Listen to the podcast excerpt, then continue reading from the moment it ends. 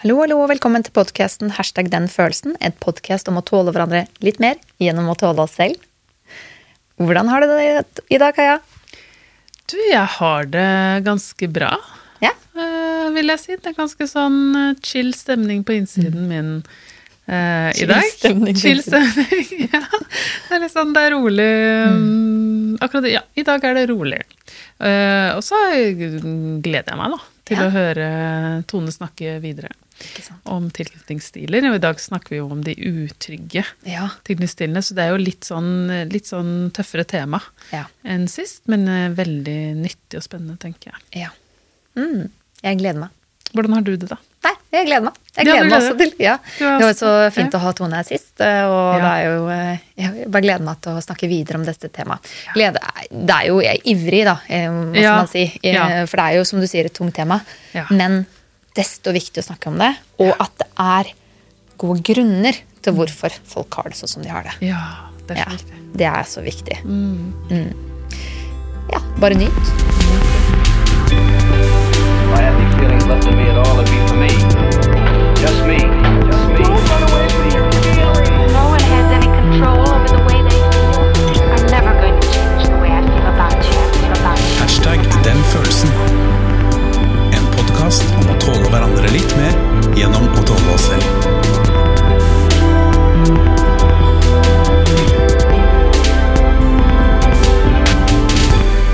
Ja, eh, da skal vi snakke videre med Tone. Vi hadde jo besøk av Tone mm, sist gang, eh, da hun snakket om eh, trygg tilknytning. Og tilknytning generelt, og den fantastiske boken hennes eh, 'Følelser', som hun har skrevet. Hun er jo, som jeg, jeg sa da, og sier nå, hun er jo dronningen av følelser. Og jeg er så utrolig glad for at hun er her og, i podkasten og, eh, Ja, og snakker med oss. Jeg har jo sagt det både til deg, Tone, og til deg, Kaja, at jeg Ja, er jo du- litt starstruck. Ja, du er litt starstruck. Ja, det har jeg det er stort at Tone er her. Så når du takka ja til å komme og snakke med oss, det, ja, det er tøft. Men nok om det. Mm, Veldig kult. Ja. Eh, ja, du er kul. Jeg peker på Tone. Ja, du òg, Kaja. Du er også Ja, å, takk. Ja, okay. Og du, Marit. Ja, okay. å, tusen takk. Men i dag så skal vi jo snakke om eh, uttrykk tilknytning. Mm. Eh, og de andre, eh, de tre tilknytningsstilene som ligger under det begrepet.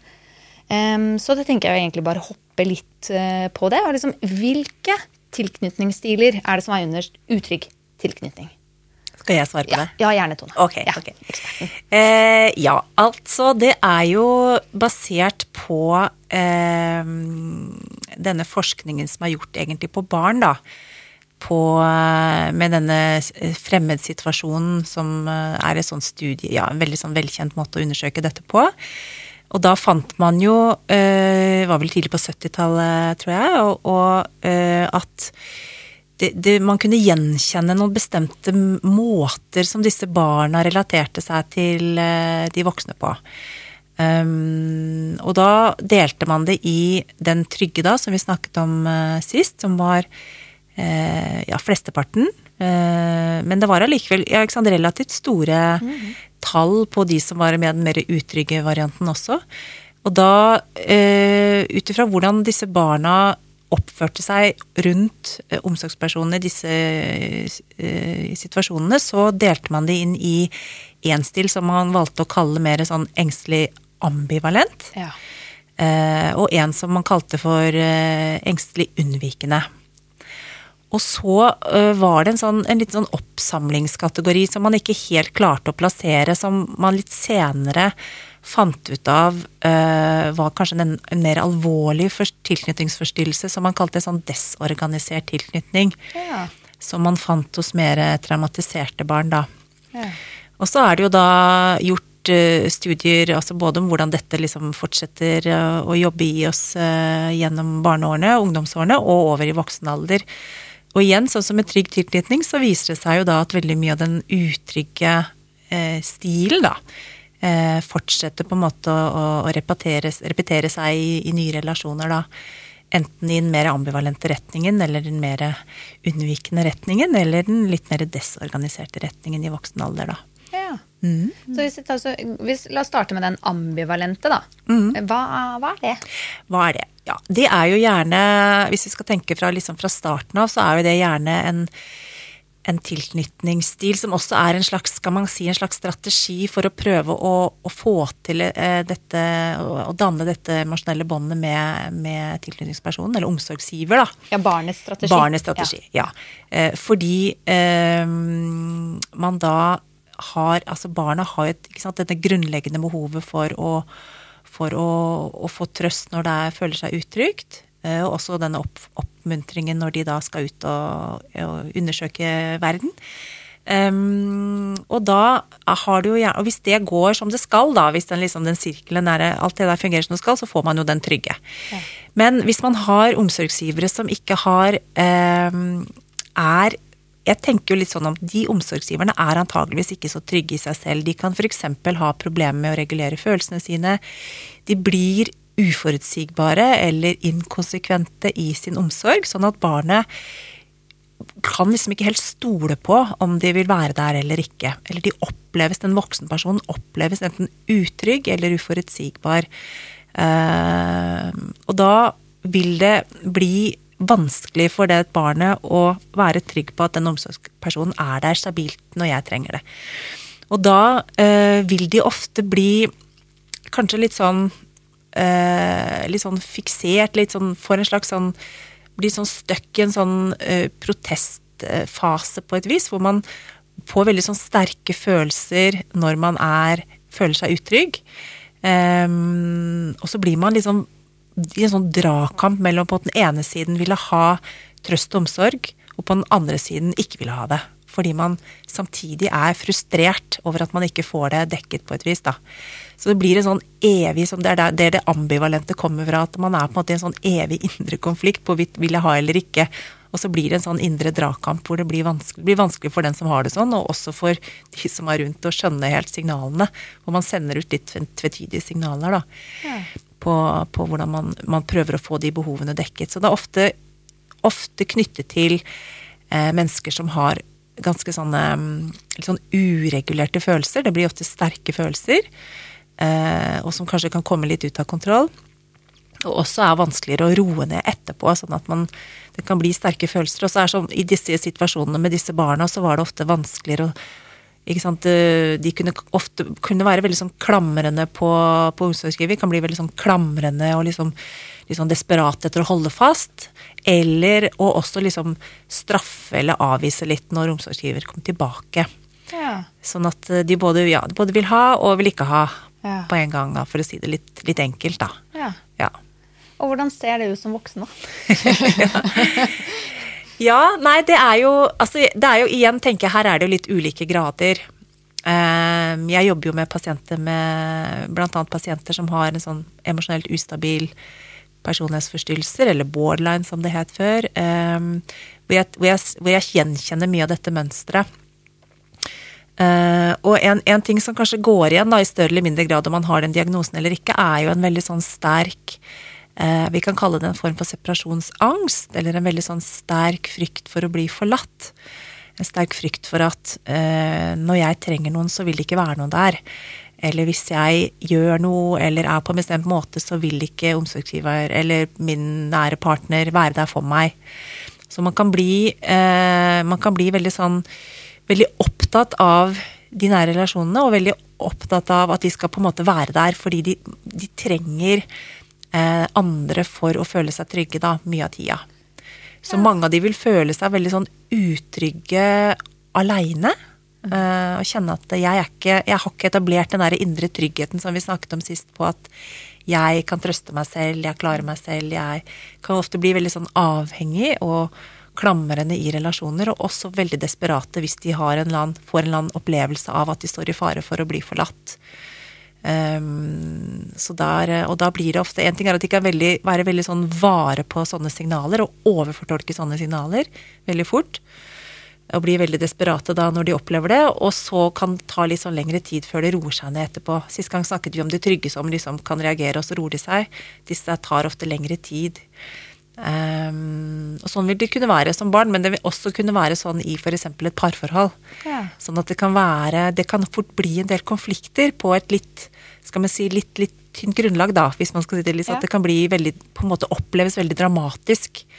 Eh, For eksempel, eh, et eksempel hvis da man har en partner som skal ut med noen kompiser på byen, og så skal man sitte hjemme og, la, og prøve å ha en hyggelig kveld. Ja. Men så begynner det å spinne et eller annet om at eh, hva holder han på med, og, og så ringer han ikke, og så blir man mer og mer urolig og engstelig, og så til slutt så har man det fått det for seg at, eh, at kjæresten kommer til å gå fra deg, og, er- eller er utro, eller at det skjer et eller annet veldig dramatisk, da. Og alt det foregår på en måte inni huet. Um, og så kommer det hjem, og så kan det ende opp i en kjempesjalusiscene eller en konflikt som, som, hvor partner egentlig ikke helt skjønner hva som har foregått eh, de timene der. Ja. Um, bare for å liksom, ja, Det kan være ett scenario da, som kan utspille seg hvis man har den, den ambivalente tilknytningen. da. Ja. Mm. Jeg, jeg, smiler fordi jeg får kjenne litt kjønn. Ja, og da er det viktig å si alle kan kjenne på litt sjalusi og miste, miste litt uh, Bli redd for å miste de man er glad i. Ja. Det er jo også noe veldig naturlig i det. Vi er jo redd for å miste de vi er glad i.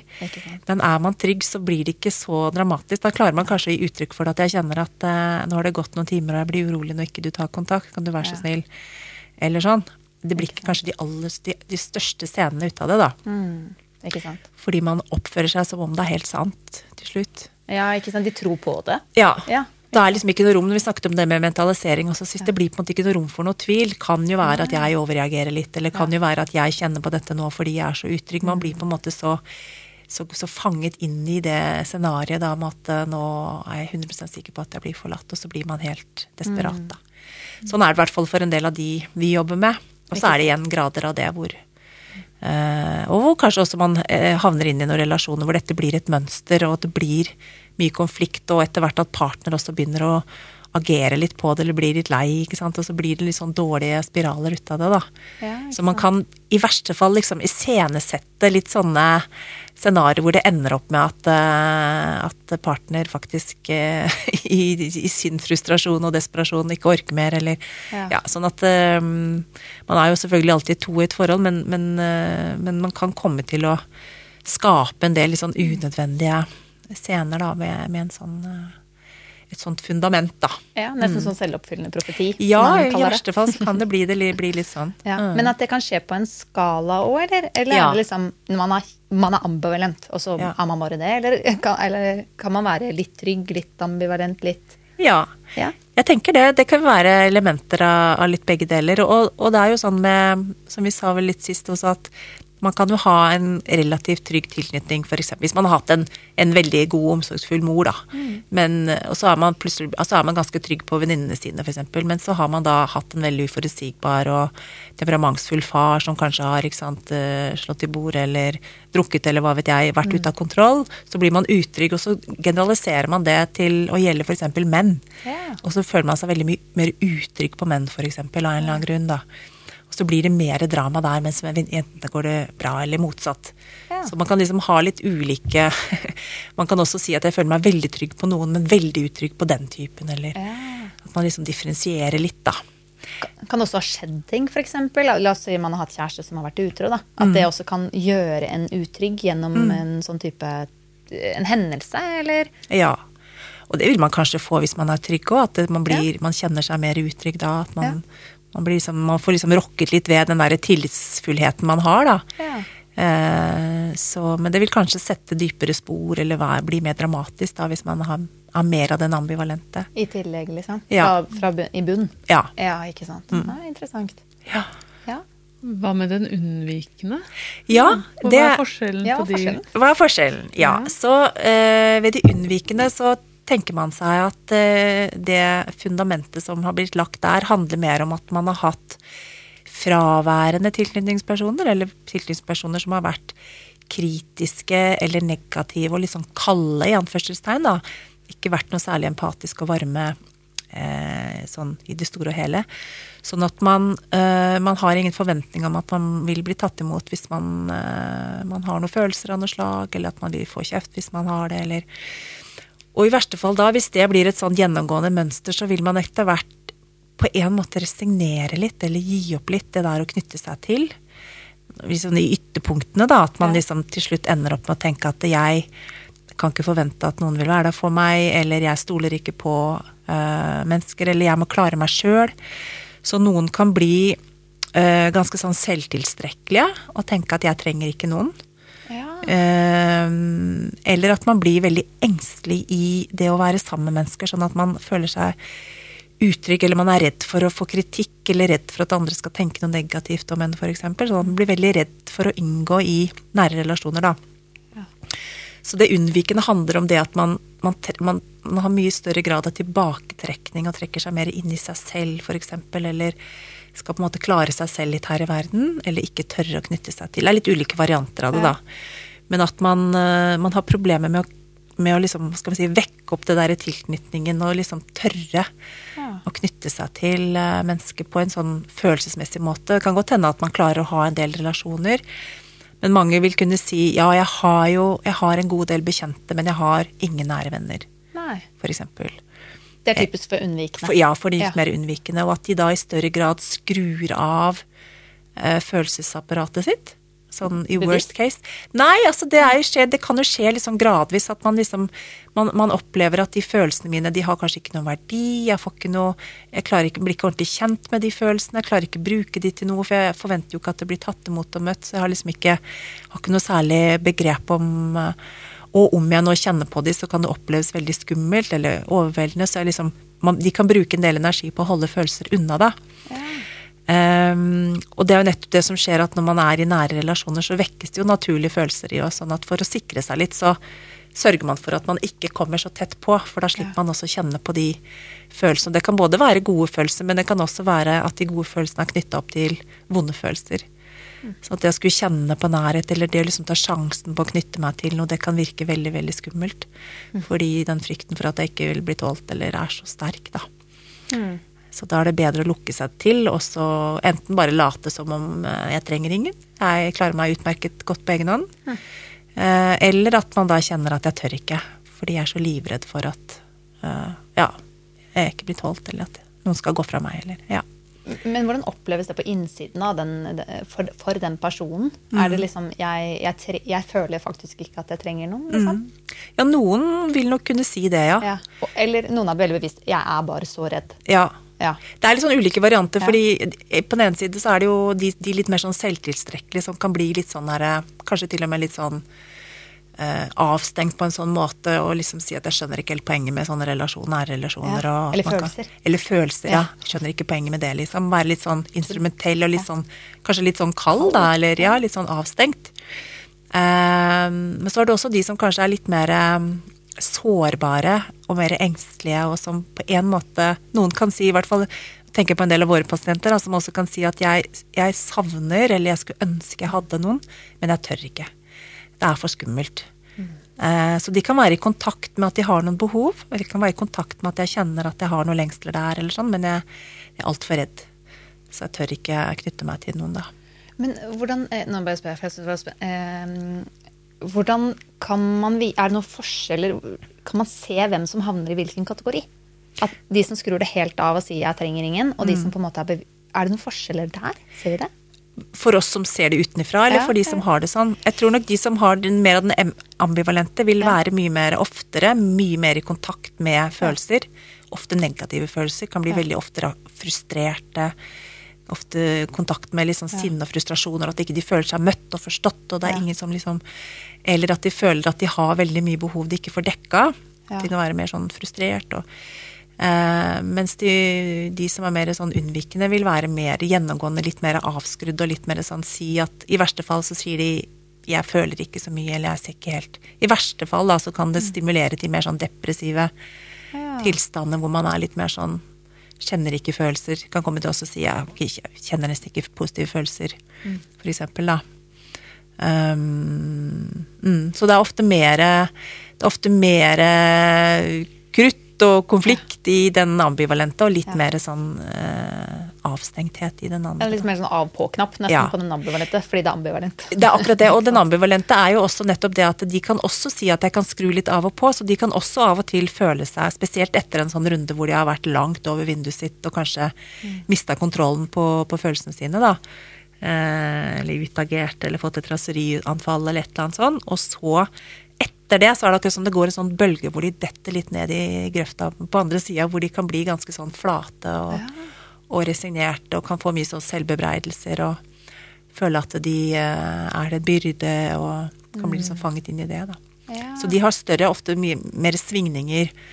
Eh, mens de unnvikende er ofte litt mer jevnt, litt mer underaktivert, hvis vi kan si det sånn, da. Ja, Mm. ja, men det gir mening, det. Ja. At man er liksom nesten over eh, terskelen og under terskelen. Men uansett ikke innenfor terskelvindu. Nei, det er i hvert fall mange av de som er litt sånn ustabile, sier jo ofte det at jeg har veldig problemer med å være innafor. Jeg er enten over eller under. Ja. Mens mange av de som er litt mer sånn unnvikende, vil si jeg er mye, mye oftere nesten bare under. Ja, Ja. ikke sant. Så de har problemer med å få bli aktivert og få liksom opp følelsene sine. Ja. Eller at de da kjenner at de er engstelige mer enn at de kjenner følelser, f.eks. Ja. Jeg kjenner meg bare engstelig og utrygg, men jeg, jeg vet ikke helt hva jeg føler. Nei, for det var den jeg lurte på. Liksom, Mm. eh, den gruppen inn under unnvikende. Ja. Hva er det som skiller at man kan, noen kan si at jeg føler ingenting, Mm. eh, og, og jeg trenger ingen. mm. Og de andre kan si jo, jeg, jeg, jeg er bare veldig, veldig redd. Mm. Eh, Er, er det noe som skiller det? Er det? Kan man si noe om de to gruppene? Eller er det bare helt tilfeldig hvem som blir hva? Øh, hvem som blir hva ut ifra hvordan man reagerer. Er det sånn at mest kvinner eksempel, sånn, ja. er mer redde og kjenner at de er redde og tør ikke um, redd unnvikende? Mens um, Nå spør jeg, altså, for jeg, Mm. Ja. jeg bare øh, Eller at Og menn eksempel er mer Skrur bare av. Eller kanskje ulike typer personligheter, eller Mm. vet vi det? Eh, ja, altså Det kan jo det, i, behandlingsvesenet så ser vi kanskje litt sånn kjønnsforskjeller og sånn, men, okay. men, eh, men jeg tror nok du har både menn og kvinner og, og sånn i begge leire på et vis. Ja. Ja, I hvert fall i den litt sånn selvtilstrekkelige varianten, da. Ja. Men, men det er nok vanlig Altså når det blir ikke sant, En ting er at også, altså menn, menn kan jo også ha sterke følelser og, og, og sånn. Men det er noe med hvilke konsekvenser de får. At øhm, Hvis man skal liksom tenke de som har, har det vanskelig med det å være ikke klare å regulere følelsene sine, så, så er det Kvinner tenderer jo i større grad til å vende negative følelser innover, sånn at de kan ende opp med å f.eks. straffe seg selv, eller ikke sant, En ting er at du blir veldig selvkritisk, men du kan også kanskje begynne med selvskading, eller få selvmordstanker, eller bli veldig sånn Ja. nå, nå snakker vi liksom Ja. ytterste konsekvens, da.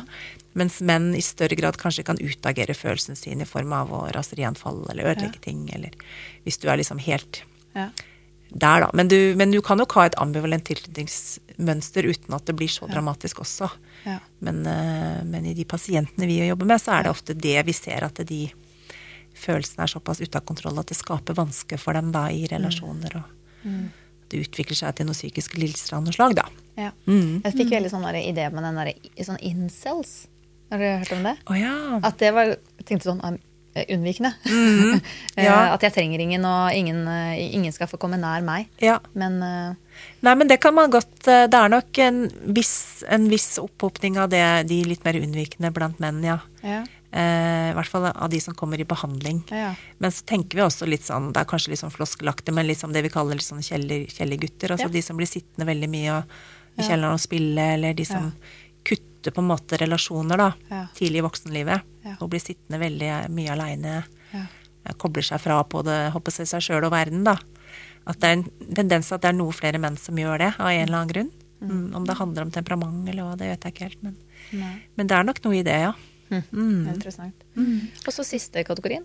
Ja, jeg bare, bare Ja, et ja. litt sånn eh, spørsmål eller innspill inn her. Fordi eh, du sa jo noe om det at dette er jo grader, ikke sant. Ehm, og så er det vel sånn, hvis vi skal trekke det litt ut i den ene ytterkanten, da, så kommer vi jo inn i det som heter, eller ja, kalles psykopatologien. Ikke sant? Altså psykiske lidelser og forstyrrelser. Da. Og da er det jo sånn, du nevnte jo noe om dette her med ambivalent tilknytningsstil og borderline, eller emosjonelt ustabil personlighetsforstyrrelse. Eh, også, Vi har jo også en personlighetsforstyrrelse som heter engstelig unnvikende. Det har vi. Ja, Så er det? det samme samme som eh, engstelig unnvikende tilknytningsstil? Er det på en måte bare engstelig unnvikende tilknytningsstil i en ekstrem variant? Jeg, jeg, trodde, jeg tenkte jo det først, for Ja. jeg synes, og i hvert fall med de pasientene vi har, vi jobber med litt med begge pasientgrupper, så Ja. jeg syns jo det passet veldig godt på den, de som heter da engstelig unnvikende personlighetsforstyrrelse. Sånn at, eh, og det er mange, er der det er mest menn også, opphopping av menn. Er det det? Ja. Oh, ja. I hvert fall i behandlingssystemet så er det ofte det. Oi. Så det er jo interessant for så vidt, da. Men sånn i praksis så tror jeg det er omtrent 50-50, altså. Men, men i hvert fall ehm, øh, hva var spørsmålet igjen? Uh, jo, Ja. engstelig unnvikende. Ja, fordi jeg tenkte altså at det passa veldig godt inn i den tilknytningsstilen. Også, men, så, men når jeg så uh, det, som var skrevet litt om det, var at det også var som jeg ikke helt fikk til å stemme, men det var også litt de der selvtilstrekkelige som var litt mer av den der kalde som kanskje kunne oppleves litt sånn som vi var inne på sist, med litt sånn suverene. Ja. At man er litt sånn, Men du opplever de veldig avstengt på et vis, eller holder en veldig sånn distanse, da. Ja. Ehm, så det er tydeligvis litt sånn ulike undergrupper her. Men det er ikke liksom forsket nok på at, jeg kan si at det er liksom Men jeg tenker mer på det som de som er, ikke sant, som har en veldig lav selvfølelse, som, som ikke tror at de er på, For å si det litt brutalt, ikke er verdt å elske, da. ikke sant, At jeg har ingenting positivt ved meg. Sånn at jeg jeg kan ikke forvente at noen vil være sammen med meg, eller at jeg har noe å bjuda på, på en måte. ikke sant, Selvfølelsen er såpass dårlig. Eh, og så kan det også bli litt sånn dårlige spiraler ut av at du ender opp med å være aleine, og så blir det en slags bekreftelse på at ja, der kan du jo se. Nettopp. Det er ingen som Ja. Så, så det, ja, det er helt riktig at det, jeg tenker ofte på de som mer, mer den typen. Mm, Ikke sant? Så men iallfall så er det sånn at utrygg tilknytning i sin mest ekstreme variant da, Ja. vil innebære stort sett at man har noen utfordringer med å takle livet. At, det- Ja. at det går inn i en sånn psykisk lidelse. da. Ikke sant. Men at man kan selvfølgelig ha disse tilknytningsstilene uten å være tilhøre en diagnosekategori, men, men man er vel også kanskje mer eh, utsatt da, for psykiske lidelser. Ja, det tenker jeg, og det, og det er en viktig nyansering at, eh, at det er mange som kan ha disse tilknytningsstilene uten å ha en personlighetsforstyrrelse, f.eks. Eh, Ok. Ja, ja, ja. Nei, ja ikke sant? Fordi igjen, det er grader av det, og du kan, du kan jo kompensere på mange måter ved å f.eks. La, la oss si du har vært ganske ålreit god på den utforskingen, så kan du ende opp med å bli ganske god på noe. Ja. Og så kan du hente mestring der. Eller du kan, eh, hvis du jobber med bli kreativ, hvis du kan bruke følelsene dine til noe kunstnerisk, ikke sant, så kan det jo du kan jo få til mye allikevel, men du kan, du kan ende opp med å streve en del i de nære relasjonene. Du kan til og med ha en del venner fordi du skjuler det eh, for vennene dine, mens med partner så kan det bli veldig synlig, da. Eh, Det er ofte i de aller næreste relasjonene det liksom kommer mest til uttrykk. Ja. Så når vi spør disse pasientene hvordan er det, så kan de godt si nei, jeg har masse venner, jeg. Ja. Men så spør de ja, men hvordan er det liksom i kjæresteforhold? Nei, der blir det vanskelig. Ehm, så det er også en måte å finne litt ut av det på, da. Ja. Så man kan jo bli overraska noen ganger, for man ser mennesker som tilsynelatende fungerer helt, helt strålende, og så hører man at det er veldig, veldig vanskelig da med enten å etablere forhold eller holde på nære relasjoner, eller Ja, at det blir konfliktfylt, eller ja. Så mm, det er nok mange som går rundt uten at det får så at det syns så godt. Nei, ikke sant. Mm. Og, og, og det treng, trenger ikke å være Det med med skalaen trenger ikke å være en personlighetsforstyrrelse. At man har det bare fordi man har den tilknytningsstilen. På ingen måte. jeg tror det er viktig liksom, å snakke om disse tingene. Det er lett Mm. å liksom, mm. snuble litt. Og, og, og, og vi er jo som sagt som samfunn veldig glad i å kategorisere. Ja, vi er det. Sånn, Å, jeg har Ja. Mm. det, og da er man der, eller ikke sant. Eh, og, og også dette med at man eh, sykeliggjør litt ting, da. Mm. At det blir veldig stort. Og den- jeg tror det er også en viktig bit av hvorfor vi gjør den podcasten, eh, disse episodene her, for å snakke om hvor vanlig det er. Ja. Ja. Men apropos litt sånn eh, disse mer Ja. eh, ja, ekstreme variantene, da. For det er jo en tredje stil Mm. Ja. Mm. som heter desorganisert, som du nevnte.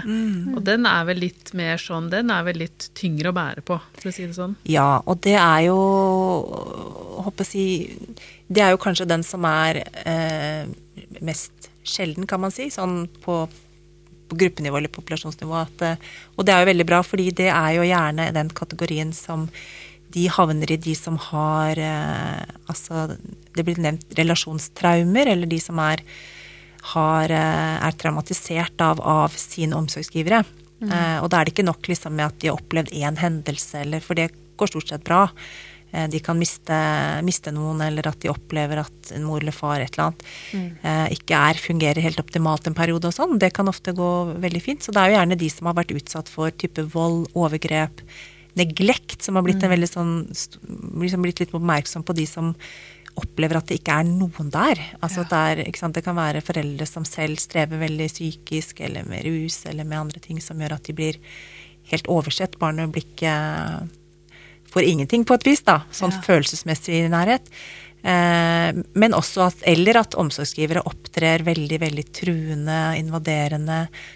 Altså det er både psykisk og psykisk vold og den type ting, da. Ehm, de strever jo dessverre ofte gjennom livet med veldig ikke? En ting er de traumene de opplever, men også i forhold til det å klare å etablere en eller annen måte å relatere seg til mennesker, fordi de, mange av disse går i, i en tilstand hvor de er mer eller mindre aktiverte i en skal vi si, en sånn litt sånn fight-flight-modus, hvis det sier dere noe. Altså at ikke sant, Alarmsystemet er på en måte mer nesten litt sånn kronisk aktivert.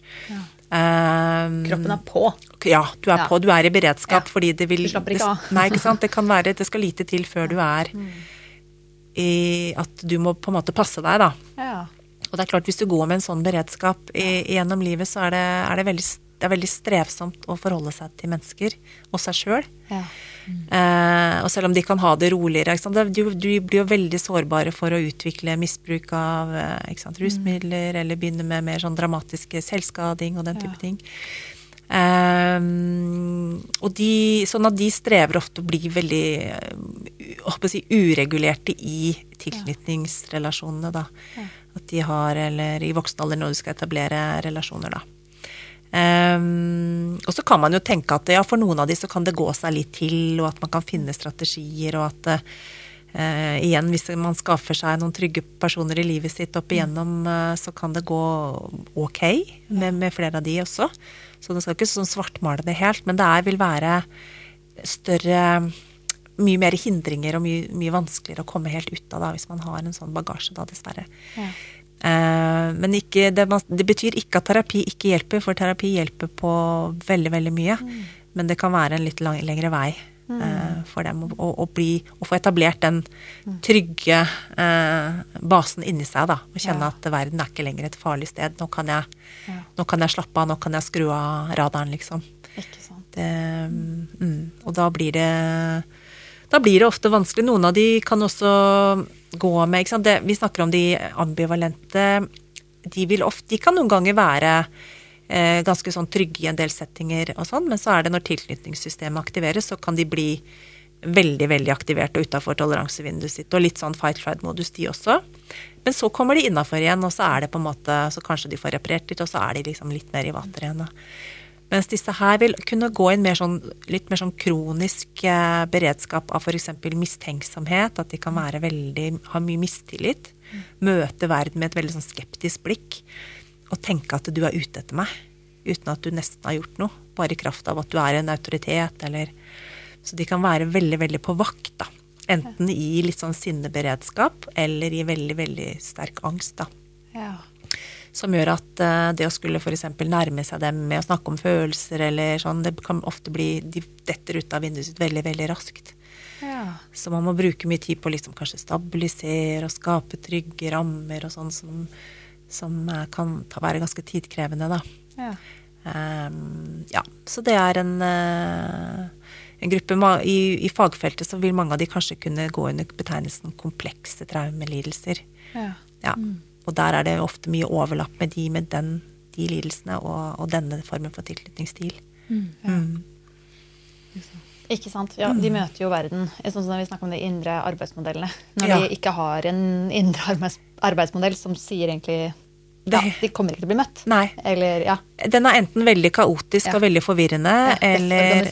Ja, veldig, Ja. ikke sant? Den er, det er ikke Ja. noe struktur der. Det er ikke noe, de har ikke noe strategi for hvordan de skal nærme seg mennesker, nesten. Det er, det er på en måte veldig fort overveldet, eh, eller at det er eh, beredskap som liksom gjelder, da. Mm. Ja. Så Jeg tenker på strevsomt, da. jeg. Bare det må jo gjøre noe med liksom, For jeg vet jo liksom eh, eh, si det, Når det sympatiske nervesystemet er aktivert, altså fight flight, eh, Mm. eh, så, så er det jo så, Det er masse prosesser i kroppen, kroppslig, Mm. som skjer eh, når man er det. Men jeg tenker når man aldri får den derre det parasympatiske nervesystemet, Mm. som på en måte gjør sånne ting som fordøyelse og eh, ja, masse sånn eh, maintenance, vedlikehold, som man trenger å kunne slappe av, rett og slett. Hvis man ikke har den, da ut, kan det være noe sånn at de blir mye syke. Det er veldig godt uh, tenkt, for det, har jeg, det har jeg både tenkt og funnet noe Nei, på. har du? Ja. Nei, så, okay. Så de De har ofte veldig mye somatiske plager, kroppslige plager, stresslidelser. Altså det kan være ja, alt fra sånn diffuse smertetilstander til ja, ja, mage-tarmproblemer Ja, til mage, eh, tenker ja, jeg med. Ja, ja, Ja. ja. Det er helt riktig. Så det er klart det å gå med ja, kronisk beredskap, det gjør noe med Du skiller ut mye stresshormoner i kroppen. Det blir jo en mer sånn toksisk tilstand til slutt. Sånn at det er helt riktig, mange av de blir eh, for mye kroppslige plager også. Mm. Så jeg hører jo egentlig liksom dette med å gå inn tidlig, da. Ja. Eh, og det er jo sikkert derfor vi også har barnevernet og sånne ting, med å gå tidlig inn for å ta tak i det. For det er jo, kan få ganske store konsekvenser da, når det er eh, så, så, så voldsomt. da. Ja, Som ja. sagt, vi snakker jo ikke om innimellom eh, Mm. at man ikke så barnet sitt. Dette her er omsorgssvikt. Det er omsorgssvikt. si. Ja, det er tydelig omsorgssvikt. Tydelig omsorgssvikt. På, gjerne på flere nivåer, da. Ikke sant. Så en skilsmisse er liksom Det er ikke det vi snakker om. Nei, nei. Det er mye mer alvorlig enn det, da. Ikke sant. Og det rammer heldigvis ikke så mange, men det Nei. rammer dessverre noen hvor, eh, Ja. hvor hjelpeapparatet kommer inn noen ganger, mens andre ganger ikke. Og, Ja. og der har jo dessverre ja, skal, Vi skal kanskje ikke begi oss inn på det, men eh, der har jo eh, Ja, det er jo ofte vanskelig å, bevi, å finne en del bevis og sånn, ikke sant, i en del Ja, sånne ja, ja. saker også hvis ja, Så det er, van, det er vanskelig. Ja. Men, eh, men det er veldig greit å vite om at det kan få veldig veldig store følger hvis man er for sein i avtrekkeren der med de barna. Mm. Men da tenker jeg at vi bør si litt om hvordan det ser ut i praksis, da. Ja, det, vi har jo kanskje sagt litt om Ja. det allerede, da. Hvordan ser det ut? Eller vi- vi snakket jo i hvert fall litt om hvordan oppleves det. Ja. Hvordan er det å ha en ambivalent og Ja. en unnvikende og en desorganisert tilknytningsstil? Men kanskje vi skal snakke litt om hvordan ser det ut utenifra, eller er det, har vi dekket det litt òg? Ja, har vi det? Ja. Jeg vet ikke. Det er noe Eh, vi bør legge ja. til for at folk skal jo- forstå Ja, kanskje man kan liksom ambivalent, da. Det første tenk, jeg tenker er at det kan virke litt dramatisk. Litt som at man, man eh, lager storm i vannglass mm. for ingenting. Og eh, litt sånn, da. Bare at det er mye Også i en eh, i grader av det, da. Selvfølgelig helt opp til personlighetsforstyrrelse og store problemer med det, til bitte litt. Ja. Ikke sant? Ja. Og situasjonsbetinga. ja. Ja. Ja, så det å huske på det at uh, igjen disse tilknytningsstilene de aktiveres først og fremst i de nære relasjonene. Ja. Sånn at det er særlig der det spiller seg ut. Og det er gjerne der man har kanskje litt sånn, kan vi si litt sånn forvrengte oppfatninger av hvordan man blir møtt. Ja. Og eller at man overfortolker signaler, sånn at man er veldig var. Ja. For hvis, jeg, hvis du ser på meg med litt sånn rynke i- mellom brynene, så tenker jeg med, umiddelbart at du ikke liker meg, f.eks. Altså jeg er veldig rask til å konkludere nesten liksom på automatikk at du er negativt innstilt til meg, f.eks. Ja. Og hvis jeg da går rundt med en sånn forestilling, da, eh, og kanskje deler den med deg, så kan det ende opp at du blir veldig overrasket og tenker 'hvor kom det fra', liksom. Jeg har jo på ingen måte Ja. Mens i mitt hode da, så kan det bli veldig, veldig sant og veldig stort, da. Ja. Um, sånn at jeg De der indre arbeidsmodellene er ofte litt sånn Vi kan kalle det litt sånn forvrengt, eller at man har noen forventninger til andre som man også av og til kan liksom spille litt ut, da. Eh, ikke sant, jeg sier at 'du er ikke glad i meg lenger'. Ja. Og så sier du hvor kom det fra? Jeg kom ti minutter for seint', og liksom var ikke verre enn det, men eh, Ja. ja, Så man kan kanskje ende opp i en del misforståelser og en del liksom, konflikter, eller føle seg også eh, med de litt mer sånn unnvikende, at man føler seg plassert inn i en litt sånn kritisk rolle, eller en sånn at den autoriteten man har, plutselig blir veldig sånn at man har veldig mye makt, eller man blir tillagt en del ting som, som behandler, eller som partner, eller eh, som venn, for så vidt, da, hvis man, hvis man er veldig utrygg i sin tilnærming da, til mennesker. Sånn at eh, ja, man kan føle seg litt sånn, nesten litt sånn urettferdig behandlet da, hvis man er en som står rundt og tenker at uh, dette er ikke meg, det er ikke meg du snakker om. Nei. Det kommer et eller annet sted fra, fra inni deg på et vis, uh, som jeg ikke kjenner meg igjen i. Um, ja. Så det, kan få, det får nok først og fremst følger i, i de nære relasjonene. Og så kan det jo være av og til at det kan skje ting i jobbsammenheng, eller ting hvor, hvor man blir engstelig, f.eks., eller reagerer veldig kraftig på ting som andre også kan stusse litt over at oi, det var jo en veldig, veldig kraftig reaksjon på, på akkurat det jeg sa der, liksom. Var det, var det så Ja. ja. Så da er det jo greit å, å liksom Uh, Ja. Man, det hjelper jo selvfølgelig å være bevisst på at man har en tendens til å kunne overfortolke. Eh, og også for de rundt, selvfølgelig. Å skjønne at eh, ok, nå er du litt nå er du litt sterk i følelsene dine, eller nå er det et eller annet som rir deg, som, ikke, som er litt ute av proporsjoner her, eller Ikke sant. eh, Ja. Så Men kan man si at ambivalent syns mer? Um, enn unnvikende, f.eks.? Ja, både og. Det kan i hvert fall, det kan i hvert fall oppleves altså Hvis de i den forstand de har mer sånn kraftigere og tydeligere følelsesuttrykk, da. De har større, ofte større problemer med å regulere følelsene sine, sånn at det kommer tydeligere fram. Eh, og typisk er sånn sinne og sjalusi og, og for så vidt angst også. At mange av de kan oppleve å ha en del At de føler seg utrygge på en måte i mange settinger. da. Eh, men det er klart, hvis du har utviklet et sånn unnvikende mønster, så du er jo på en måte ikke så mye til bry nødvendigvis, da, hvis du velger å trekke deg unna. Sånn at, eh, men det kan jo være en del at som lurer litt på jøss, hvor blei det av han, eller hva skjedde der? Hvorfor? Hvis man stadig vekk forsvinner fra et selskap, eller Så kan det jo synes, men ikke på en sånn Det vekker jo ikke den samme de liksom sterke de reaksjonene på et vis, da. Så i verste fall så kan jo de bli litt mer glemt, eller litt mer sånn eh, Ikke lagt så merke til, nødvendigvis, da. Mm. Skaper ikke så mye drama, men kan jo ofte ha det veldig veldig smertefullt på innsida. Ikke sant? Og ha mye sånn lidelse på en måte over, over å ha det sånn. Men det er ikke alltid de kommuniserer det så tydelig, nettopp fordi at de regner jo ikke med at det gjør noe forskjell. Nei. Sånn at da er det bedre å holde det for seg sjøl, da. Ja. Kanskje man merker det mer når man prøver å komme nær. For, Ja. for den som prøver å komme Ja, nær, jeg skulle til å si mm. det. Hvis du f.eks. er partner til eller god venn med en som har en engstelig, unnvikende tilknytningsstil, så vil det vel kanskje kunne merkes ganske godt. Hvis du selv er, prøver å komme nær, og så er den, vil den andre da backe. Ja. Ikke svare på det, kanskje. Ja. Og kanskje liksom, ikke ha den samme toleransen for nærhet heller, fordi nærhet er ubehagelig, det er ukjent, eller kjennes eh, Man blir litt sånn utrygg i det. Eh, og føler ofte Noen av de kan også være i kontakt med at de føler ikke de klarer å gi så mye, for de har ikke de vet ikke helt hvordan de gjør det. Har de ikke helt på repertoaret? Hvordan gjør man det? Hvordan viser man nære? Hvordan sier man at, man at man er glad i noen hvis man aldri har hørt det? Hvordan Ja. gjør man det? Uh, så de kan jo fort oppleves kanskje litt sånn hjelpeløse, eller litt sånn Og noen av de også øh, viser det seg, da, at de, i den kategorien unnvikende, at de kan ha litt problemer med å, å være i kontakt med følelser, kunne sette ord på dem. Det blir litt sånn fattig, litt sånn språklig også. Sånn at det blir vanskelig å liksom hente ut. Hvis man er en litt mer sånn trygg partner, da, liksom skulle hente ut, og så er det som om det er litt sånn tomt. Eller de har ikke det språket. De har ikke den De har ikke lært hvordan man snakker om disse tingene, vet ikke hvordan man gjør det. Nei. Um, mm. Og heller ikke noen gode erfaringer hvis de har prøvd. Nei, ikke sant? Nei, det er akkurat det. Og, det. og noen av de har glemt det litt, nesten, for de har skrudd av for så lenge siden at de husker nesten ikke hvordan det var å, å være påskrudd og kjenne på nærhet og, og sånn. At um, eller at det bare har vært knytta til smerte, sånn at de tør ikke. Det er veldig vondt hvis du da har en forventning om å komme hjem og få trøst, og så er det ingen der. Eller, eller hvis de er der, så har de ikke tid, eller Ja. Så mm. Det kan nesten være um, Hva var det jeg skulle si nå? At uh, man kan nesten bli redd for de som prøver å komme nær deg. Så selv om man får muligheten, selv om man ikke fikk det når man var liten, og så eh, har man muligheten til å få det når man er voksen, men så har man ikke noe verktøy. Rett og slett å ta det imot. Det kan jo nesten være for skummelt, egentlig. Er helt riktig. Det kan vi merke som terapeuter. Og hvis vi går litt for tett på, så kan det oppleves veldig truende eller veldig ubehagelig.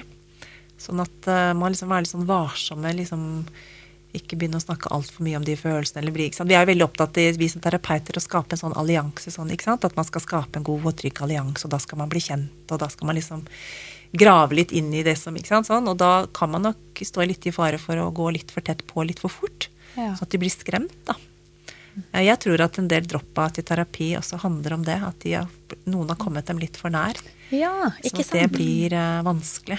Uh, oppleves mer truende enn trygt, nesten, da. Ja. Så det eh, Så man slutter egentlig fordi man er redd? Ja. Ikke fordi, og så kan, kan det være sånn at kropp, eller man lurer seg selv litt og sier men jeg trenger det jo egentlig ikke. på en ja, måte. det kan det være. Eh, Fordi det er for skummelt, rett og slett. At det er et forsvar også. Ja.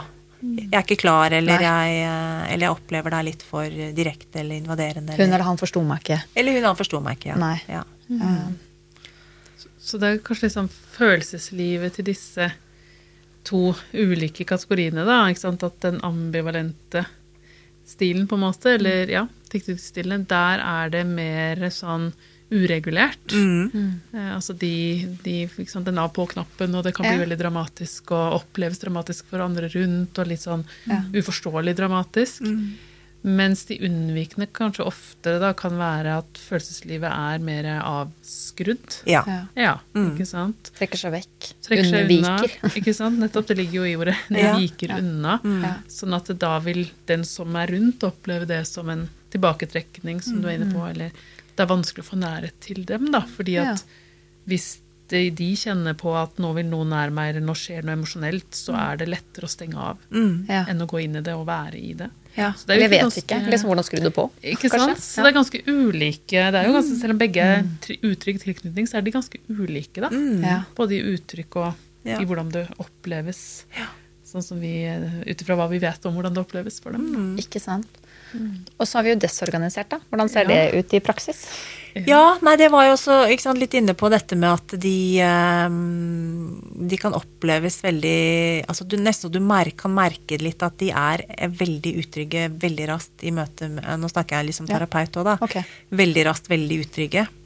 For du som terapeut kan på en måte aktivere litt den der, det der tilknytningsmønsteret. Du er en autoritet, du har eh, du har en slags, De opplever kanskje en slags makt eller noe sånt som de kan bli veldig utrygge av. da. Eller veldig fiendtlige og skeptiske og tro at du, at du er ute etter dem, eller ehm, Ja, så kan de beskytte ikke sant? Vi- Der vi tenker jo om det som beskyttelses, noen beskyttelsesstrategier de bruker liksom automatisk som ikke de er helt bevisst.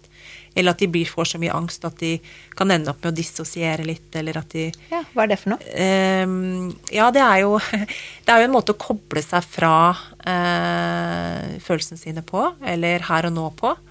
De kan forsvinne inn i et eller annet og liksom eh, bli Miste litt eh, grep om tid og sted, for å si det sånn, da. Eh, bli litt borte i situasjonen. Mm, som en slags, slags flukt eller beskyttelse. Det er grader av det òg, altså. Noen kan jo miste helt nesten bevisstheten og ikke og glemme helt at de har vært der, mens andre kan gjøre det sånn at, at de mer fjerner seg fra situasjonen. De er til stede, men de opplever at de kobler seg fra. Ja. Litt som et sjokk, nesten.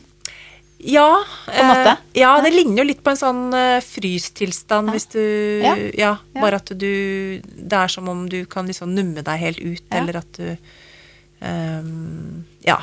Ikke Ja. er liksom fullt og helt påkobla verken deg sjøl eller den du snakker med, på et vis.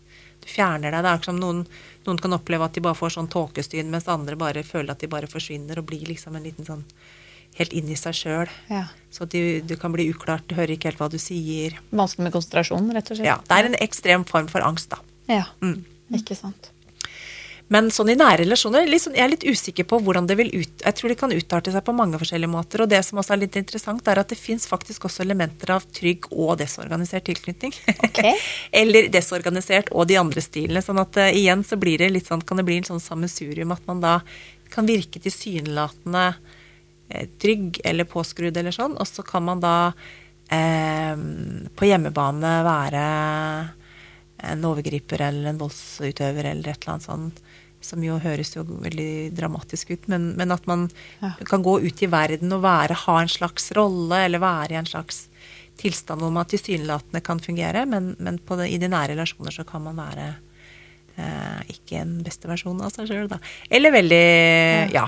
Ehm, så de er jo Det er jo veldig Ja. Men jeg tror stort sett at uh, Altså de vi ser, så er det jo veldig mange av de som ikke klarer å etablere noen nære relasjoner i det hele tatt. Nei. Eller at det blir bare Bare kjennes så utrygt at de ikke Ja, tør.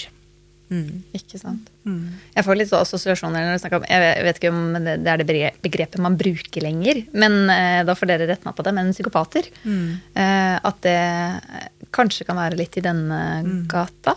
Det heter vel Eller man kan utvikle det hvis man har desorganisert tilknytningsstil. Jeg syns i hvert fall det er en veldig interessant kobling. Jeg vet, jeg vet ikke om jeg har ikke noe sånn veldig god forskningsbelegg eh, for å påstå det, men jeg tror jo veldig mange av de som får Du kan si veldig mange av de som har en antisosial personlighetsforstyrrelse eller psykopati. Noen mener at det er noe genetikk her òg, det kan godt hende, men Ja, men, det, men det, er, det er jo veldig mye som tilstår at mange som får de diagnosene, har hatt har vært utsatt for ganske grov omsorgssvikt fra tidlig i livet. Ja. Og at noe av det som skjer, er at de, eh, når de har blitt møtt med så lite speiling og empati, Ikke så, så, så, så utvikles ikke den evnen i de heller. Sånn at det, empatien blir så å si borte, da. Ja. Og da kan du jo Da er jo risikoen ganske stor for at du kan ende opp med å utnytte og manipulere og skade mennesker rundt deg hvis ikke du klarer å leve deg inn i den smerten du påfører. Så jeg tror at det er en del desorganisert tilknytning i den Ja. kategorien mennesker som, som eh, behandler andre dårlig, da, for å si det sånn. Ja. Som ikke har empati, rett og slett. For jeg tror de fleste av oss mm. er det en helt naturlig kapasitet. Ja. Eh, og vi utvikler det som det skal, på en måte. Ja. Som, om, som med følelser ellers. At vi, det er en ganske sånn intuitiv eh, evne vi har, da. Så når du ikke har noe av det, så kan man jo lure på hva er det som har skjedd. Ja. Eh, så er det kanskje noen som vil si at det er en nevrologisk lidelse, men jeg tror det er noe mer tilknytningsrelatert, da.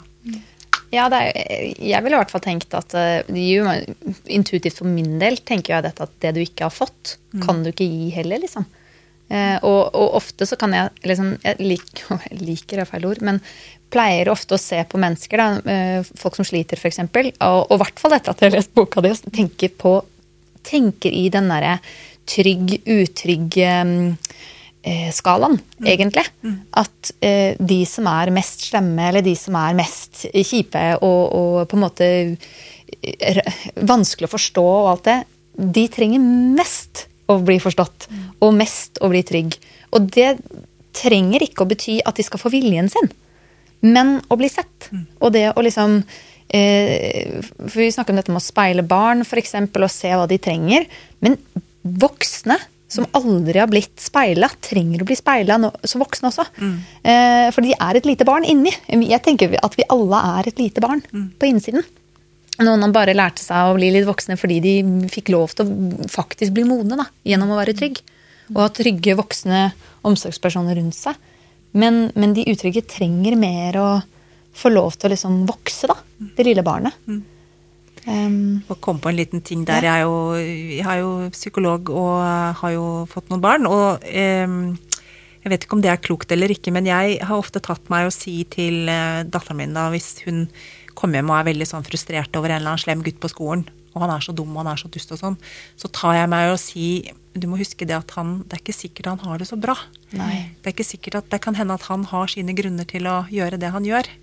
For å hjelpe henne litt med å forstå at det er kanskje noe annet som ligger bak og driver den eh, slemme atferden i anførselstegn. At de, de utagerer eller de tar ut noe i, på skolen som handler egentlig om noe helt annet, som de bærer på hjemmefra, som kan egentlig være både smertefullt, men de har ikke lært seg å håndtere det, så det kommer ut i form av aggresjon eller noe annet. da. Så Man skal jo ikke forstå i hjel dårlig oppførsel heller, men jeg tror det har vært veldig til hjelp å tenke sånn at eh, de som oppfører seg dårlig, de har ofte en historie som, som antageligvis innebærer veldig veldig mye smerte.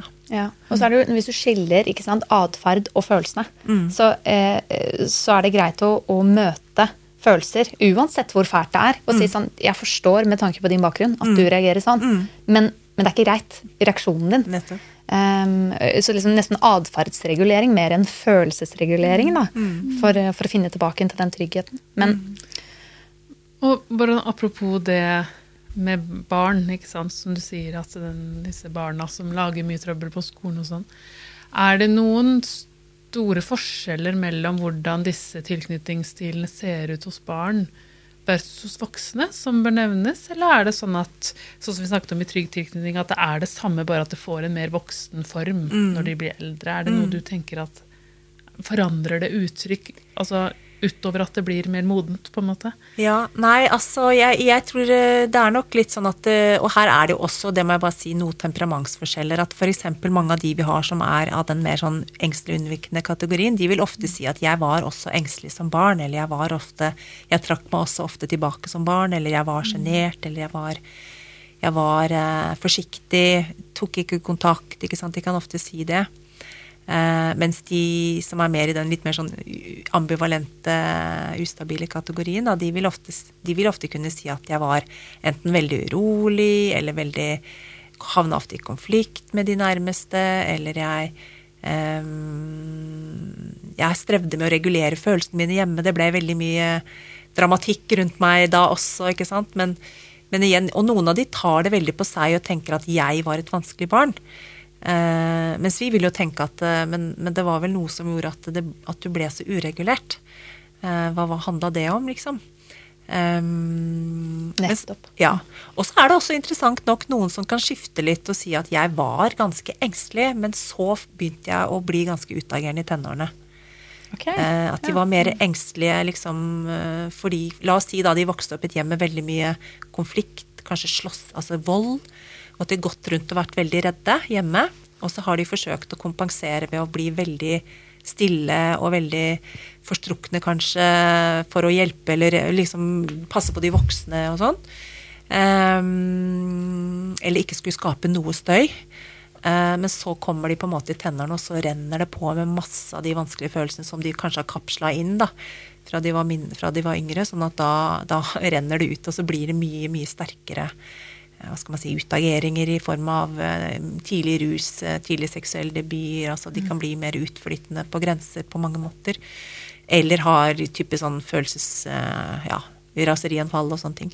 Så da kan det ofte bli veldig konfliktfylt i hjemmet fordi den tenåringen da i tillegg At det kan bli mye, mye støy, da, for å si det litt enkelt. Så det kan jo noen foreldre bli litt sånn overraska og si sånn Ja, men du som var så snill som barn. Tenker ja, det var, ja, det var en grunn til at jeg var så snill eller så stille. fordi jo, dere hadde jo mer enn nok med å bråke der oppe. Mer føyelig, kanskje. Hæ? Mer føyelig enn ja. snill, ja. Mm. Og noen sier også at de kan ta med seg begge de to eh, kvalitetene videre i livet. At de kan si at jeg kan oppleve at jeg er overtilpasningsdyktig. Jeg tilpasser meg. Jeg blir nesten som en kameleon, sier de. Jeg tilpasser meg enhver sammenheng jeg kommer inn i. Og blir liksom veldig opptatt av å tilfredsstille eller gjøre det alle andre forventer av meg. Eh, men så er det helt kaotisk på innsida. Eller når jeg kommer hjem, så ja. Så mm, de kan ha litt begge deler, da. Mm. Ja. Nei, jeg bare eh, fikk den derre Jeg hadde den episoden på T-baden. Ja, som ja, jeg, ja, nei, kom, eh, for det var litt så interessant. Vi skal eh, hit og snakke om eh, tilknytning. Eh, og så var det en, eh, en, eh, en pappa eh, som eh, sto ved sida av meg i barne, med barnevogn. Og jeg tror eh, datteren var på var tre år, kanskje. Rundt treårsalderen.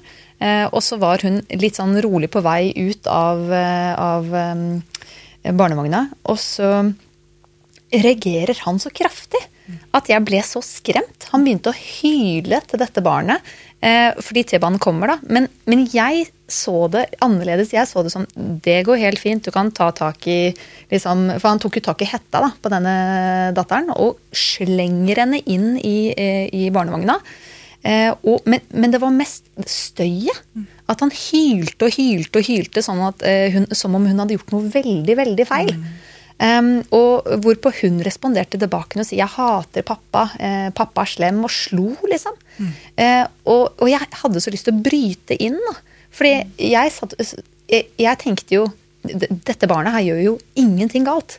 Det er jo helt klart den voksne som gjør noe galt her. Jeg så egentlig to, to små barn som sto der. Eh, og, og det Og så plutselig så switcha det til at eh, de skulle se på noe, noe gøy nå, så gikk hun, hun fritt, og han fulgte etter med god stemme. Det var veldig rar interaksjon. Hvordan ville vi plassert det her? Ja, det høres i hvert fall ut som en, eh, en far som har litt problemer med å regulere følelser. Ja. Antageligvis så blei han redd. Ja. Eh, Men Ja, han, ikke sant, Han, han, noen ganger så blander man litt på de fordi aktiveringen skjer så brått. Ja. Og så kommer det ut Jeg tror spesielt i forhold til barn at en del voksne kan liksom blande det litt. Man blir egentlig engstelig for at hun skal et eller annet, og så Ja. Kommer det ut i form av et raseri isteden. Ja. Og det skaper jo en veldig forvirring hos barnet, for de tenker Jeg, helt sånn i min uskyld, skulle bare liksom gå ja. Hun skulle bare se på reklamen, liksom. ja, ikke sant? Og så, og så blir det en sinnereaksjon som kommer helt ut av det blå for henne, antageligvis. Litt forvirrende for henne, og kanskje også skremmende Ja. for henne å oppleve, hvis dette er noe som gjentar seg veldig ofte, Ja. at hver gang hun skal liksom bevege seg litt eller gjøre noe på egen hånd, så blir hun møtt med et raserianfall. Ikke sant. Eh, sånn at hvis det er, blir et mønster Jeg vet jo ikke om dette var en engangshendelse, eller- men, men hvis det blir et mønster i den relasjonen, da, Ja. så er det i hvert fall en ganske stor sårbarhet for å uttrykk, utvikle noe mer utrygg tilknytning, kanskje i retning av en mer sånn ambivalente stil. Ja. Eh, for det hørtes ut som hun også ble litt uregulert tilbake. Nettopp. Og begynte å slå, og det er jo også litt Hun ble ikke redd. Nei. Nei. Nei, Hun begynte ikke å gråte heller. Nei. Hun bare slo eh, og, og sa 'pappa er slem'. Og liksom som nesten kamp. Ja. Og var liksom sint tilbake. ja, ikke sant. Så hun var tydeligvis ikke så redd da. Nei. Nei, så, men, så det har tydeligvis blitt kanskje en, en eller annen interaksjon de har havna i, kanskje litt sånn dårlig interaksjon da, med Ja. at det tar ut sinne mot hverandre. Ikke sant? Ut ifra noe som eh, En hendelse som strengt tatt ikke har så mye med? For sinne er jo en følelse som skal hjelpe oss å sette grenser og på en måte eh, si fram urettferdighet og sånne ting. Så det var jo ikke det. Nei. Så det blir, veldig sånn, det blir vanskelig å forstå helt hva hun skal bruke den følelsen til annet enn å Ja. forsvare seg, da. Eller Ikke ta sant. igjen, liksom. Mm. Ehm, så det kan jo bli litt sånn strevsomt kanskje for henne hvis hun Mm. eh, Ja, hvis andre i en senere setting prøver å sette en eller annen grense for henne, så går hun til angrep og blir rasende fordi, fordi noen Ja, jeg vet ikke. Men eh, at sinne blir hennes strategi for å kommunisere et eller annet da, eh, som eh, kanskje kan bli litt uheldig, da. Kanskje hun også ble redd og trengte egentlig litt kos. da, ikke sant? Oi, nå ble jeg faktisk veldig redd, for jeg ble jo kasta inn i denne barne, eh, barnesetet og liksom slengt inn. Mm. og ikke får jeg lov til å gjøre det jeg vil heller. ikke sant? Og at, um, men jeg sitter og tenker på dette med at um, man er barn, og så får man disse tilknytningsstilene. Og det er jo gode grunner til hvorfor man utvikler eh, disse typer stilene. ikke sant? Er som man sier, det er jo, det er jo en, et forsvar. ikke sant? Hvis jeg ikke blir møtt, nei vel, da skrur jeg av mine egne følelser. Eh, og da trenger jeg ikke noe, da. ikke sant? Så blir man unnvikende. Eller nei, ok, innimellom får jeg noe, og andre ganger ikke. ok, Da blir jeg litt ambivalent. Og så noen ganger blir det helt kaotisk. Ja, da, da har jeg ikke noe strategi, da. ikke sant? Desorganisert.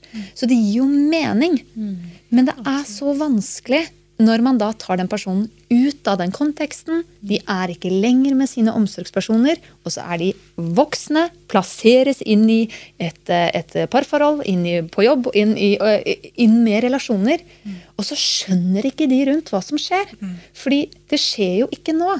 Og det å bryte ut av den derre det var noe jeg trengte da for å beskytte meg som liten. Men jeg trenger det ikke lenger. Det er jo Høres ut som et kjempefint terapeutisk prosjekt Ja! å jobbe med. Kjempeviktig. Og det er jo egentlig derfor vi vil snakke om det her òg. For hvis man kan Hva skal man gjøre, da? Hvis man kjenner seg igjen Ja, ikke sant? Og i det- disse utrygge tilknytningene. Ja. For en trygg, da. Supert. Ja, Fortsett. Trygg, fortsett med det. Ja. Nei, eh, nei, hva skal man gjøre? Det er jo noe med å på en måte anerkjenne at eh, det er sånn. Altså, jeg Det er jo noe med ikke sant, Mange trenger å starte med å bare erkjenne at dette er et problem for meg. Noen er jo ikke der engang. Mens andre bare gjenkjenner at de har en angst, eller de har et eller annet Det blir konflikt i relasjonen, og så skjønner de ikke hvorfor. Så bare den bevisstgjøringen om ikke sant, hvor kommer dette fra? Hva er det jeg drar med meg med inn bagasje som gjør at jeg møter eller etablerer relasjoner på en sånn måte? Så veldig mye, jeg tror jobben ligger jo der. At man, at man får den bevisstgjøringen. da, Og evner å gjenkjenne det når det oppstår. Å sant? kunne gjenkjenne at nå, er jeg, nå føler jeg meg utrygg. Altså det er en kjempestor forskjell på å utagere et raseri versus å si jeg reagerer, eller jeg kjenner jeg blir utrygg når prikk, prikk, prikk. Det er en kjempestor forskjell. Da gjør man det vi sier på sånn fagspråket, fra å gå fra en agering eller en utagering til en symbolisering av følelsen. Du, ja, du setter ord på, Ja. du rommer, du tåler, du er i kontakt, du kjenner hva som foregår på innsida, istedenfor å f.eks. gå til angrep eller Ja. på deg sjøl eller, eller partner, f.eks. da. Mm. Så det er en kjempestor overgang. Og hvis man klarer det, da har man kommet langt. Mm. For det er ofte det mange strever med. De må handle, eller de må umiddelbart trekke seg unna, eller de må gjøre noe. ikke sant? Jeg kjenner meg så ikke sant? Jeg må, ja. Men det å romme og tåle å være i kontakt og tenke ok, nå, nå er jeg i en sånn tilstand hvor jeg er ute av kontroll, eller nå kjenner jeg at nå er det noe gammelt som Ja. opererer i meg som jeg ikke har helt oversikt over lenger, eller jeg, eller jeg, jeg blir nesten Noen sier jo det i etterkant at jeg blei Jeg følte meg som jeg var fem år gammel, Ja. sier de. Jeg følte meg som jeg var fem år. Og så var du på en måte det. For det var det som tok over litt. Og det å liksom modnes litt inn og si at ja, nå kjente jeg meg kanskje ti. Ja. Nå, var jeg, nå hadde jeg i hvert fall mulighet til å klare å si noe. Det hørtes litt barnslig ut, men jeg klarte i hvert fall å si noe om det, da. At det er i hvert fall en, en, en vei, en, et sted på veien. Jeg skjønte at jeg var redd og ikke sint. Ja. Bare, det, bare det. Ja. Og nå ble pappa faktisk veldig redd. Ja, Ja. ikke sant? Ja. Ja. Men har lyst til å bli sint, for det er min måte. Men jeg ble faktisk veldig redd. Ja. Ja. Hvor lett er det å bli bevisst på Ja. det, tenker jeg da. Fordi det er, sant, det er noe med at disse tilknytningsstilene Og ikke for å ta fra noen håpet, for jeg tenker jo at det er jo lett, det er mulig å bli bevisst på det og jobbe med det. Men samtidig da, så er det jo det er veldig innøvd, det er veldig automatisert, er ikke sant? Og hvis man ikke da, sånn som oss, eh, har studert psykologi, eller liksom er veldig opptatt av dette her, hvordan skal man liksom komme på at å ja, jeg har kanskje en utrygg tilknytningsstil, ja. eller det er ikke sånn man tenker da, da, men, men ikke sant? Eh, For jeg tenker også noen ganger så vil jo disse menneskene som strever mye med dette, de vil jo få tilbakemeldinger fra omgivelsene om at å, det var det voldsomt, så dramatisk du var, eller hvorfor, hvorfor er det ikke mulig å få kontakt med deg? Og så liksom, Hvor lett er det da å bli bevisst på at ja, det skyldes jo Nei, det er jo Nei, det er jo ikke alle som har den kunnskapen, selvfølgelig. Sånn at, eh, og hvor finner man det? Man vet jo ikke hva det heter, eller Nei. Nei. Sånn at det er jo det vi gjør nå, er jo et lite steg på veien, da. Det er det. og prøve å liksom snakke om det og få det liksom litt opp og ut, ut der. Fordi ja. jeg, jeg tror det kan ha en enorm betydning ikke sant, i, i, i nære relasjoner å forstå litt hva det er. Og noen, noen må jo inn i behandling og få en utredning for å forstå at det er det det heter. Dette jeg holder på med, det har et navn. Ehm, og det er ofte, ofte noen ganger en litt sånn kan være skremmende, men også faktisk noen ganger noe som gir litt håp og trøst å se at jeg er ikke aleine. Det er ikke bare jeg som er urimelig, eller det kommer fra et sted, og det har et navn. Det heter det er en diagnose, eller det er andre som strever med akkurat det samme, som har den bagasjen jeg har, og da Og det kommer for en grunn. det kommer for en grunn. Og noen av de setter vi jo i gruppeterapi, f.eks., for, eksempel, for å få Ja, de til å snakke okay. sammen og utveksle litt Ja. erfaringer. Da, sånn at det er jo også en sånn bevisstgjøringsprosess, det å kjenne seg igjen i seg selv, men også kunne se de andre og tenke Ja. oi, og se det litt utenfra at jøss, nå virka du jo veldig som du reagerte veldig sterkt på det, og Ja. ja, sånn at man får en sånn slags speiling gjennom de andre i gruppa ja. også. Mm. Så det er jo, men det er jo terapi, da, altså for Jo. de som har kommet dit, men um, Ikke sant. Og så Ja. tenkte jeg bare også litt på det her, hvis vi bare holder oss litt i den derre terapi og psykopatologi eller psykiske lidelsesdelen av det til, så, så er det jo også, vi vet jo også det at veldig mange av de som kommer inn i behandling for andre ting, altså mer sånn vanlige, holdt på å si, eh, typiske psykiske lidelser, da, angst og depresjon og sånn, at veldig mange, der er jo noe forskning som viser det, og at veldig mange av de har noe personlighetsstrev i bunn, og personlighetsstrev kan jo knyttes til tilknytningsstrev, ikke sant? Så, sånn at det er, sier også noe om at folk ofte kommer inn i denne bevisstheten, ikke nødvendigvis med en sånn jeg har disse vanskene, fullt, at de har den fulle bevisstheten, men at de merker at det er noe. Ja. Sant? Jeg strever i livet mitt, liksom. Og så finner man kanskje ut da at eh, ja, denne depresjonen du nå har fått, eller denne angstlidelsen du har, den, den er egentlig eh, symptom på noe annet igjen. Eller eh, handler om at du kanskje har større vansker i bunnen. Da. Ja. Det er ganske mange av de. mm. Så, så det er liksom det med, så det med å øke bevisstheten om både det normale Ja. Det er jo mange som ikke har psykiske lidelser, som også strever med dette her, og Ikke har utrygg tilknytning. Eh, men ikke sant? Det, hva det er for noe. Mm. Øke bevisstheten om det, sånn at man kan bli mer bevisst både på seg selv og andre. Og forstå kanskje at hvis andre er veldig krevende å forholde seg til, så kan det handle om at som du sa, de har det vondt. Ikke sant. Det er en grunn til at det er sånn. da. Ja. Og, og liksom hvordan man kan forholde seg til det hos seg selv og andre. Mm. Den blir jo viktig, den bevisstheten, kunnskapen. Ja, nei, Jeg kom jo egentlig tilbake til den episoden jeg hadde med Benjamin, da, med bevissthet. At Ja. det er jo en måte å på en måte komme i kontakt. Og der er det jo rett og slett med meditasjon. Jeg tenker som bare det å, å kombinere både terapi og meditasjon i sammen, da. Både trene på å bare observere. Og da kommer jo veldig mye gammel bagasje og sånn opp også. Men det er jo én måte, da. Og sammen, som ikke nødvendigvis er ja, hvis man ikke har en diagnose eller ikke sant? Men uh, det er mye man kan fall gjøre for å øke bevisstheten. Det syns jeg i hvert fall er veldig interessant. Og så kan man gjøre en del god reparasjonsarbeid ved å Ja. skaffe seg en partner med Ja. god og trygg tilknytning. Ja, For da Det er veldig lurt. Det er veldig lurt. Ja. Det er vanskeligere å få det til hvis man skaffer seg en partner som også strever med noe av det samme. Mm. For da, er det, da blir det større rom for misforståelser på begge hold. Ja. På et vis, Eller at begge trekker seg unna, eller at begge sånn at eh, det, det er kanskje det, det sunneste man kan gjøre. da. Ja. Og også skaffe seg en partner som tåler en del. da. ja. Men, eh, men det er jo ikke selvfølgelig, det vet man jo ikke alltid når man uh, går inn i dette her. Men, uh, Nei. Men det gir også håp om endringer. Da, ikke sant? At disse indre arbeidsmodellene som vi har snakket Ja. om, at det er mulig å endre på Ja. gjennom erfaring. Mm. Og at det å skaffe seg nye erfaringer, om det er i terapirommet eller, eller andre, at man kan liksom endre Ja. rett og slett litt sånn bilde, da. Ja. Både av seg sjøl og andre. Og minne. om Ja, minne også. Og kanskje ikke sant, Noen ganger så tenker man at, uh, at man skal liksom eh, komme seg videre og bli ferdig med ting og sånn. Mens, mens andre ganger så er det snakk om å bare erkjenne og akseptere og sørge over at ting ikke blei helt bra. Det var Ja. ikke så bra. Ja. Og det er dessverre sånn. Ja. Eh, men så kan jeg Nå jeg liksom Nå kan jeg liksom legge det litt bak meg, og så må jeg på en måte gjøre det beste ut av de forutsetningene jeg har, da. Ja. Og at nå er det på en måte mitt ansvar å jobbe med meg selv i, i det.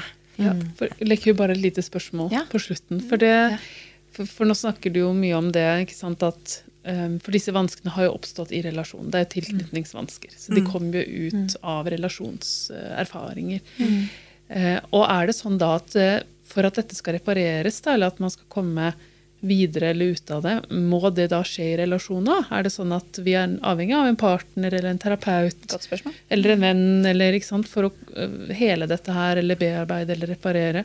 Eller er det også noe man kan gjøre selv? Det blir jo litt sånn, Jeg har ikke svaret på det, jeg vet ikke om du har det, litt Tone, men, men det er jo litt interessant å hvert fall liksom, tenke Absolutt. rundt det. Kan man gjøre noe selv, eller er man nødt til å ha en annen der for å liksom reparere den skaden som er gjort? Kommer litt an på hva man vil oppnå, da, hvis man Men no, jeg, jeg har ikke noe godt Altså, jeg har jo selvfølgelig en tendens til å tenke at det best heles i relasjon. Fordi det var der det oppsto, som du sa. Ja, ikke sant? Eh, og at det hvis man, hvis man hvis man liksom, det er viktig for en å gjøre det på egen hånd, så kan man jo tenke hm, Ja. Er du litt selvtilstrekkelig i utgangspunktet? At du tenker at det, dette må jeg ordne opp i sjøl. Eh, sånn at eh, Men det er jo mange som er redd for å bli veldig avhengig av at man hele tiden må ha noen andre der og sånn. Så noen ganger så tenker vi at det vil være et, et, en, en vei mot å bli mer autonom og mer i stand til å gi seg selv det man har savnet, da. Sånn at det går via den andre. Eh, men jeg, tror også at mange er i stand til, hvis man har en del hva skal man si, ressurser kognitivt, eller er nysgjerrig og kunne lese seg til, og sant, meditasjon og andre måter å roe ned på eller komme i kontakt på å forstå ting. Så det er mange veier dit. Eh, så kanskje litt både og, kanskje vi skal si det. At eh, jo, helst begge deler, kanskje. Helst begge deler, ja. Ja. Ikke sant? At det er noe med det å få den relasjonelle erfaringen da, fra et sted. At man kan ikke finne opp den selv nødvendigvis helt. Nei, og kanskje liksom måtte erkjenne at vi er liksom grunnleggende sett relasjonelle og sosiale vesener som trenger hverandre, da, og at det er liksom en selv om det koster en del, så er det på en måte sånn summa summare på gruppenivå, så er det det som gjør at vi har overlevd som rase. Og at vi trenger eh, hverandre, da. Selv om det er også smertefullt. Ikke sant? Men det er noe fint i det òg. Ja, absolutt. Man kan jo også trøste seg selv, eller liksom uten at det skal være sånn selvforsynt, eller hva det, ja, du kalte det. Men at man eh, kan Jeg Fikk jeg faktisk et tips fra en psykolog en gang, dette med å se, se seg selv som et lite barn. da. Og at man kan liksom ta opp det lille barnet og trøste. Og jeg kjenner at det skjer noe på innsiden. Selv om jeg sitter eh, i full voksen tilstand og trøster et imaginært, eh, en imaginær lille Marita. Eh, men det skjer noe på innsiden også. Så jeg tenker kanskje en kombinasjon òg. Både lære seg Hvis man er, kan ofte være avhengig av andre, da. Søke mye ut og trenger mye bekreftelse fra andre. Eh, jeg kunne fint liksom spørre kjæresten min ja, hva tenker du om det, eller fordi jeg kjente at jeg hadde en uro på innsida. Og så det å lære seg i å gjøre det i meg også. Så er det noe med at ja, da får jeg både bekreftelse fra utsiden eh, på at jeg kan bygge en indre arbeidsmodell på eh, å bli trygget, men også gjøre det selv. At det går an en sånn miks. da. Og selvfølgelig, jo mer problemer man har, jo mer tenker jeg at man bør gå til psykolog. selvfølgelig. Um, og jeg vil bare si det at det er Hvis man sitter og kjenner seg igjen i disse tingene vi har snakket om, um, og det er jo ganske grunnleggende i utviklingen vår, så igjen vil jeg bare si at det har vært en god grunn til hvorfor man har reagert som man har reagert. Og når man er er barn, så har man, gjør man alt riktig. Man gjør det man trenger for å beskytte seg selv og for å bli ivaretatt, rett og slett. Så det er ingenting, man, har, man gjør ikke noe galt som barn. Men når man blir voksen, så må man ta det ansvaret selv med å ivareta dette barnet man har i seg, da, til at det kan få lov til å vokse. For da er det ditt ansvar. Og så tenker jeg det du sier med liksom, den går, sjekken inn med å se at det, det jeg opplevde, det var ganske dritt. Og ikke bare hoppe over. Jeg tror det du sier, det resonnerer veldig fint um, med min erfaring også. At hun kjenn på det, og sørg. Den, sørg for det. Liksom, ha, ha litt sorg rundt det. Og i, for det er også en sånn selvkjærlighet i det. Og så kan man uh, gå videre. At det er egentlig skapes fanget inni seg selv, da. Egentlig. Nå, eh, nå trenger jeg faktisk Jeg trenger ikke noen som sier 'jo, ut, kom igjen, fiks det'. Jeg skal ikke ut og leke, jeg skal ikke ut og utforske. Nå trenger jeg faktisk et fang. Og det kan du enten få av de rundt deg, eller hos deg selv. Det var en fin eh, avslutning Ja, på det var kanskje det. talen, syns jeg. Har vi noen flere, noen flere ting vi lurer på? Vi har egentlig vært gjennom lista. og Ja. Vi har holdt på ganske lenge. Så jeg tror Ja. vi skal Ja. Nei, men eh, supert. Har du noen ting, Tone, på slutten her? Tror jeg har eh, sagt litt av hvert. Ja. Eh, sikkert mye mer å si, men eh, det får vi kanskje ta en annen gang. Det har jo vært gjennom mye, syns jeg. Ja. Veldig fint å få lov til å, å snakke om det her sammen med dere. Og Ja. koble det opp til eh, psykisk helse og følelser og det som er eh, viktig her i livet. Relasjoner. Ikke sant? Mm. Ehm, ja, et, en ting som man snakker om dette med psykiske lidelser, det å kunne håndtere det godt. Bare en siste ting før vi avslutter her. Man sier jo dette at hvis man har et nettverk, så på en måte håndterer man mer de vanskelige tingene i livet. Det er vel egentlig dette vi snakker om. Nær, nære nettverk, nære relasjoner. Ja. Det er jo så skremmende forskning på det, vet du, at uh, ensomhet er jo en av de største ja. risikofaktorene for å dø tidlig. Ikke sant. Uh, det høres jo også brutalt ut, men, men det å skaffe seg Ja. venner, nettverk, nære relasjoner, er liksom en av de viktigste bufferne vi har. Ja.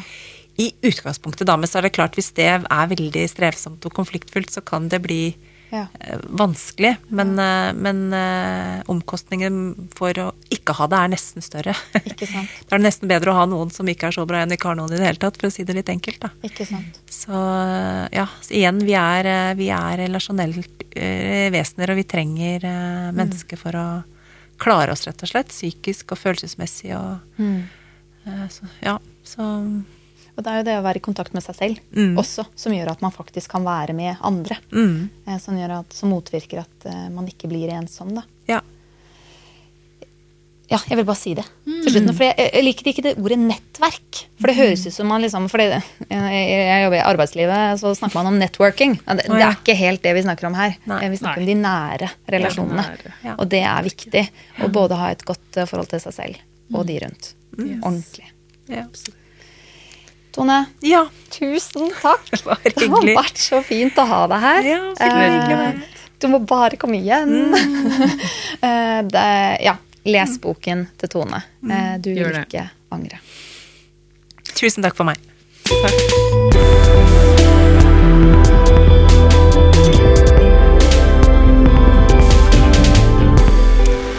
Ja, Kaja. Da har vi hatt eh, Tone her i to episoder for å fortelle om eh, de ulike tilknytningsstilene innenfor trygg og utrygg eh, tilknytning. Ja, hos voksne. Hos voksne. Ja. Denne gangen, ja. ja, Mm. ja. Hvordan syns du det, det har vært?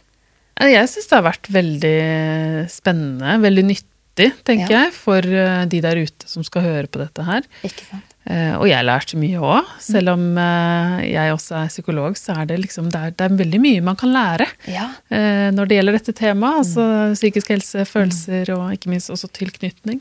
Så jeg syns dette var kjempenyttig og spennende. Ja. Og så er det sånn at ting er jo på en skala. At vi alle kan kjenne oss Det er liksom ikke eh, kjempeproblemer, eller du må være kjempeutrygg, eller eh, veldig trygg. Man er alltid på litt på en skala. Ja. Eh, så det er derfor at man kan kjenne seg veldig igjen i flere av disse tingene som nevnes. Og det er sånn typisk eh, litt sånn problem under, eh, under psykologistudiet. At man føler, man, alle kjenner seg igjen litt i alt. Mm, Egentlig, og Man sant? føler man nesten er syk. Sikkert sånn som leger har også. Ja, ja. man- ja, det er jo sånn syn- syndrom omtrent, det Ja, der. ikke sant? Eh, Medisinstudentsyndromet og psykologstudentsyndromet. Ja.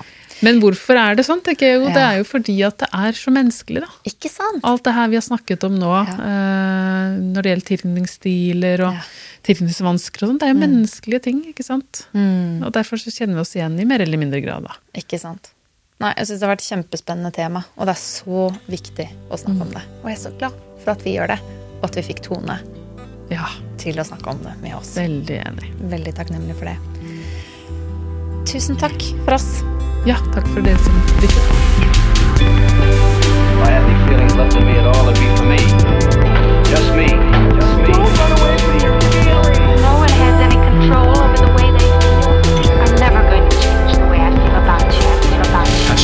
Den følelsen.